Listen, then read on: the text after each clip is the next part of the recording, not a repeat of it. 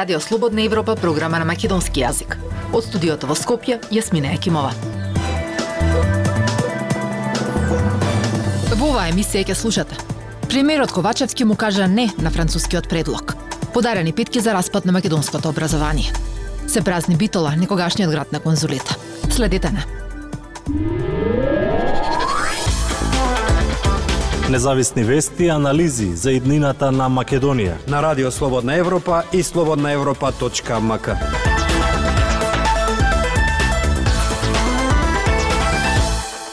Премиерот Димитар Ковачевски во оваа форма го отфрли францускиот предлог за одблокирање на евроинтеграциите. Тој по саметот на ЕУ со Западен Балкан рече дека земјава направила се, сега ЕУ е на потек. Албанскиот премиер Еди Рама пак најави дека земјите од регионот ќе продолжат по европскиот пат, а српскиот председател Александар Вучик рече дека Македонија и Албанија заслужуваат датум. Деталите во прилогот на Белагија Стојанчева. Францускиот предлог ваков како што е во моментов е неприфатлив за мене, за преседателот на државата, владата, за коалиционите партнери и за граѓаните, рече премиерот Димитар Ковачевски на пресконференција во Брисел по самитот Европска унија Западен Балкан. Тој вели дека доколку во текот на француското преседателство кој истекува до крајот на месецот се постигне разбирање за македонските позиции, Македонија е подготвена да се вклучи во разговори за истите за да се започнат преговори до крај на јуни. Сакам да искористам оваа прилика и да порачам сметам дека граѓаните на Северна Македонија може да се спокојни. Ние секогаш ги имаме во прв план стратешките интереси и цели на државата. Никој не може без наша согласност да наметне какво било решение. Ние направивме се, сега Европската Унија е на потек. Рече Ковачевски во Брисел. Тој вели дека проширувањето на Европската Унија со земјите од Западен Балкан треба да се гледа како необходност, но и влог во безбедноста на Унијата, посебно во услови на руска агресија на Украина. Ковачевски вели дека земјава во светот е позната по тоа што горливите прашања ги решава со отворен диалог, а токму на тој начин сакале и со Бугарија да ги надминат проблемите. Но како што вели, Бугарија решила да се врати во минатото и да постави блокади кои никому не му одат во прилог, освен на одредени трети страни кои ќе имаат отворен терен за да ги пополнат празнините. Северна Македонија досега направи многу. Ние донесовме многу тешки одлуки. Работиме посветено на реформите дома, а со цел европеизација на општеството. Време е Европската Унија да ги исполни своите ветувања пред да даде нови. На пресконференцијата на која освен Ковачевски зборува и лидерите на Отворен Балкан, преседателот на Србија Александар Вучич и премиерот на Албанија Еди Рама, му предходеше самитот ЕУ Западен Балкан. По самитот представници на ЕУ пред новинарите рекоа дека јасно и недвосмислено ја повториле европската перспектива на Западен Балкан и иднината на регионот во Европската Унија. Пресконференцијата на лидерите на ЕУ, која требаше да се одржи по самитот, е откажана. Примерот на Албанија Еди Рама, чија земја исто така е заложник на бугарското вето, од интегративниот пат е во пакет со оној на Македонија. Во својот препознатлив стил, рече дека земјите од регионот ќе продолжат на патот кон ЕУ, надевајќи се дека во наредниот век ќе бидат членки. The top, the main topic was uh, North Macedonia. It was once upon a time Macedonia, just to remember, or Fyrom, as our Greek brothers would say. Најважна тема беше Македонија, која порано беше само Македонија или Фиром, како што ја нарекуваа нашите соседи грци. И после 17 години подосна се уште чека како кандидат да отвори преговори. Го смени дури и името, но тоа не направи разлика. Замислете Франција или Италија да го сменја името рече Рама. Тој го повтори тоа што предходно го напиша на Твитер, дека нема да го чекаат годо. На пресконференцијата се обрати и преседателот на Србија Александар Вучич, кој рече дека Србија ги поддржува Северна Македонија и Албанија и верува дека пријателите од Скопје и Тирана заслужуваат да добијат датум за отпочнување на преговори. Слободна Европа. Следете на на Facebook, Twitter и YouTube.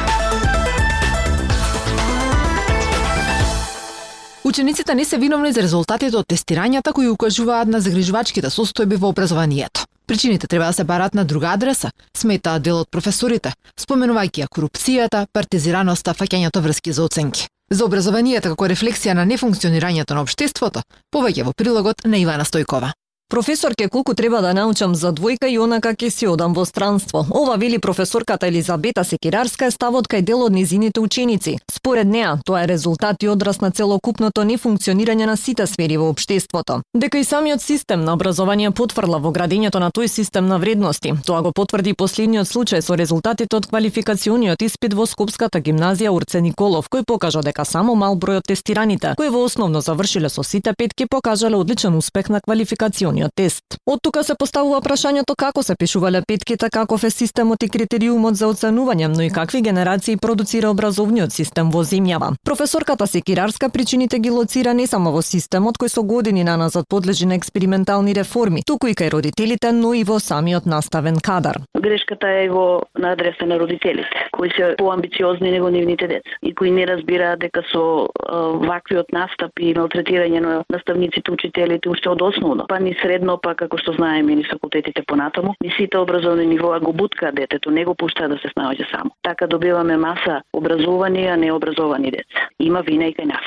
Не би сакала да се амнестирам од одговорност, нели, секако како наставник, мора да се преиспитаме на каде сме и дали сите сме за тука каде што сме, реално зборувано. Не сме образованието да биде прибежиште на, на кадар кој не се пронаоѓа. Едноставно кажано не се пронаоѓа себе тука. Нема да го етикетирам како добар или лош, затоа што не е мое да оценувам. Ама ако ги гледаме последиците, тогаш се тоа луѓе кои себе си тука не се гледаат. Од Бирото за развој на образование признаваат дека проблеми има. Резултатите од тестирањето во Скопската гимназија Орце Николов покажаа дека имаме генерално проблем со оценувањето во основно образование, вели директорот Зекирија Хасип. Митот за скоро одлични учени наставници мора да се победи, а со тоа да се избегне моментот кога наставниците се ставаат пред свршен чин на крајот на секој учебна година и на одделенските и на наставничките совети утврдуваат петки по секоја цена. Системските грешки мора да ги исправиме. Притисокот при запишувањето во средното образование мора да престане, а учениците мора сами да се увидат колку и што знаат. Ние, возрастните и одговорните за образовниот процес, треба да им помогнеме да се пронајдат во полето кое ги интересира, а не да им вршиме притисоци за постигање на нумерички успех, кои често се суштински неоправдан. Професорката Секирарска пак порачува дека нема време за губење и состојбите мора да почнат да се менуваат веднаш. Во меѓувреме се чекаат и резултатите од меѓународното тестирање ПИСА кое го мери квалитетот на образованието и прави проверка на јазичната, математичката и научната писменост. Последниот пат кога Македонија учествуваше на ова тестирање во 2019 македонските средношколци беа рангирани на дното на листата за математика, наука и читање. Радио Слободна Европа, светот на Македонија. Резултатите од пописот не дадоа оптимизам за Битола, која според бројот на население падна на третото место, а реални се истребувањата дека нема да го задржи ниту ова место. Скоро 30% од вкупниот број на станови тука се празни. Граѓаните причината за ваквата состојба ја гледаат во немаштијата и безработицата во некогашниот град на конзулите. Повеќе во прилогот на дописничката од Битола, Жанета Здравковска. Битола не само што не е втора општина по број на население во земјава, туку ако продолжи моменталниот тренд на иселување, нема да остане ни на третото место. Таа има приближно изброј на жители колку Тетово. Разликата е за 394 жители. Толку повеќе има битолчани од тетовчани. Според резултатите од пописот 2021, во Битола и околните села живеат 85.164 жители, а во Тетово 84.700 170, иако има три пати поголема зафатнина. За среќа не се обвистинија прогнозите дека со иселенички брам во изминатите години една третина од населението си заминало од Битола, но бројките од пописот не дадоа ни оптимизам за моменталните демографски состојби. За 20 години бројот на населението е намален за над 10.000 жители. Во 2002 година живееле 95.385 битолчани. Тоа е приближно колку сегашниот број на жители на Куманово, кои при овој попис, како и на предходниот, остана втора најголема општина по Скопје. Битола е на трето место. Што велат битолчани за иселувањето? Во Битола овие години многу млади кадри се заминаја, фармацевти, медицинските сестри, правници, стоматолози. Значи првен почнуваат да барат работа, гледат дека нема, нема никаков просперитет, според струката, заминуваат за странство. Најчесто овде кај нас можеш да најдеш вработување со минимална плата. Тоа се иселува само од невработеност. Нема работа, нема никаква екзистенција. Не може да склопнат враг. Млади, школа завршиле граото се да ти факултети и се и да шеташ овде, да одиш болничар или нешто, граото се да ви кажам. Имав можност тоа три месеци да ги поминам во Германија каде што се стекнав со едно солидно искуство, а таму нашиот а, статус на студент е многу попочитуван и привилегиран во споредба со Македонија. И главната проблематика се наметнува во вистинското почитување на нашиот статус.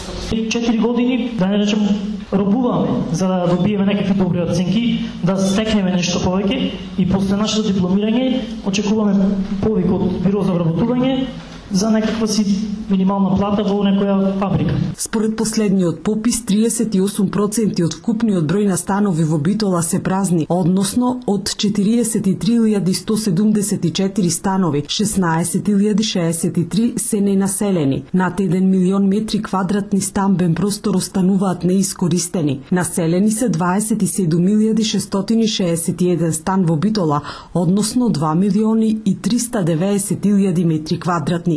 И овие податоци покажуваат дека некогашниот град на конзулите денес се соочува со бранна депопулација. Дайте ни 15 минути и ние ќе ви го дадеме светот. Слободна Европа.мк Горивото ќе го изгори джебот на тие што годинава ќе одат на одмор. Така, само за пат до Охрид, овој пат ќе треба да се одвојат повеќе од 1200 денари споредено со лани. Пресметавме колку ќе ве горивото за летниот одмор. На прагот на летото, како што растат температурите надвор, се повеќе граѓани почнаа да го планираат својот одмор. Но освен жешкото време, годинава жешки се и цените на горивата, кои ќе бидат битна ставка во планирањето на буџетот за годинешниот одмор. Така, ако само за гориво од Скопје до Охрид и назад, со автомобил на бензин биле потребни околу 2300 денари лани, Година вистото чини 3500 денари или 1200 денари плюс. Ако возилото е дизел, тогаш е нешто поевтино, па ќе треба да се одвојат околу 2800 денари. Најдобро ќе поминат тие што патуваат со автомобил на плин. Нимлани за истата дестинација им треба 1000 денари, а годинава ќе треба да одвојат 1700. Оние па кои ќе се одлучат да патуваат надвор од земјава, за гориво ќе треба да брцнат подлабоко во джебот. Ако одат кон Халкидики во Грција, кој е едно од најпосетуваните места од македонските граѓани, годинава само патот ќе чини околу 7000 денари. Ова важи ако бензинот се полни во Македонија, каде литро евро супер 98 стои 12 денари. Истиот во Грција чини околу 150 денари. На сето ова секако треба да се додадат и патарините од околу 1000 денари во двата правци, од кои 720 денари се за низ Македонија. Добичеше пак во Црнагора, каде што ќе оди Скопјанката Мериста Менковиќ. Само за бензин би требале околу 8500 денари. Вели дека секоја година патуваат на Јадранот. Годинава ќе одат со автобус, поплатиле целосен аранжман со сместување преку агенција. Истакнува дека со сегашните цени на горивата, веќе е проблем да се патува со автомобил. Ке беше и тоа многу голем проблем, многу е скап бензинот. Така да не се исплати во град да го возиш, а не да излезеш ти надвор од нашава Македонија. Поради високите цени на одмор нема да оди Сашо Лусевски кој останал без работа. Дома ќе остане пензионерката Ленче Јанкуловска, но затоа пак незиното внуче ќе оди на одмор веле дека е добро тоа што имаат автомобил на плин. Е поевтино, ама и тоа е рипнат. Плинот е рипнат. Иако цената на плинот, односно течниот нафтен газ, не ја одредува регулаторната комисија за енергетика, и тоа е скоро двојно поскапен од лани. Така, лани чинел 30 денари за литар, сега е 53. Сузана Зелениковска од туристичката агенција Fibula Air Travel веле дека и покрај инфлацијата, летово има голем интерес за патување, припишувајќи го тоа главно на стивнувањето на пандемијата со COVID-19. Вели дека и превозниците со кои соработуваат се обидуваат да балансираат со цените на сметка на заработката. Посебен проблем им представува поскапувањето на авионскиот превоз. Се трудиме да излезиме со цени кои што се нормални, со многу мала заработка, заради тоа што секојдневно нас не ги менуваат цените на авионскиот превоз. Со последната промена на цените на горивата, дизелот и бензинот се изедначија на 110 денари за литар, односно 112 денари за евро супер 98. Според последните податоци на Евростат, најголем дел од македонските граѓани или скоро 53% возат дизел возила, 44% се на бензин, а нешто помалку од 3% на плин. Занемарувачки е бројот на возила на струја, хибриди или оние кои користат други алтернативни горива. Тоа беше се што ви подготвивме за оваа емисија. Од студиото во Скопје со вас беа Јасмина Јакимова и Дејан Балаловски. До слушање.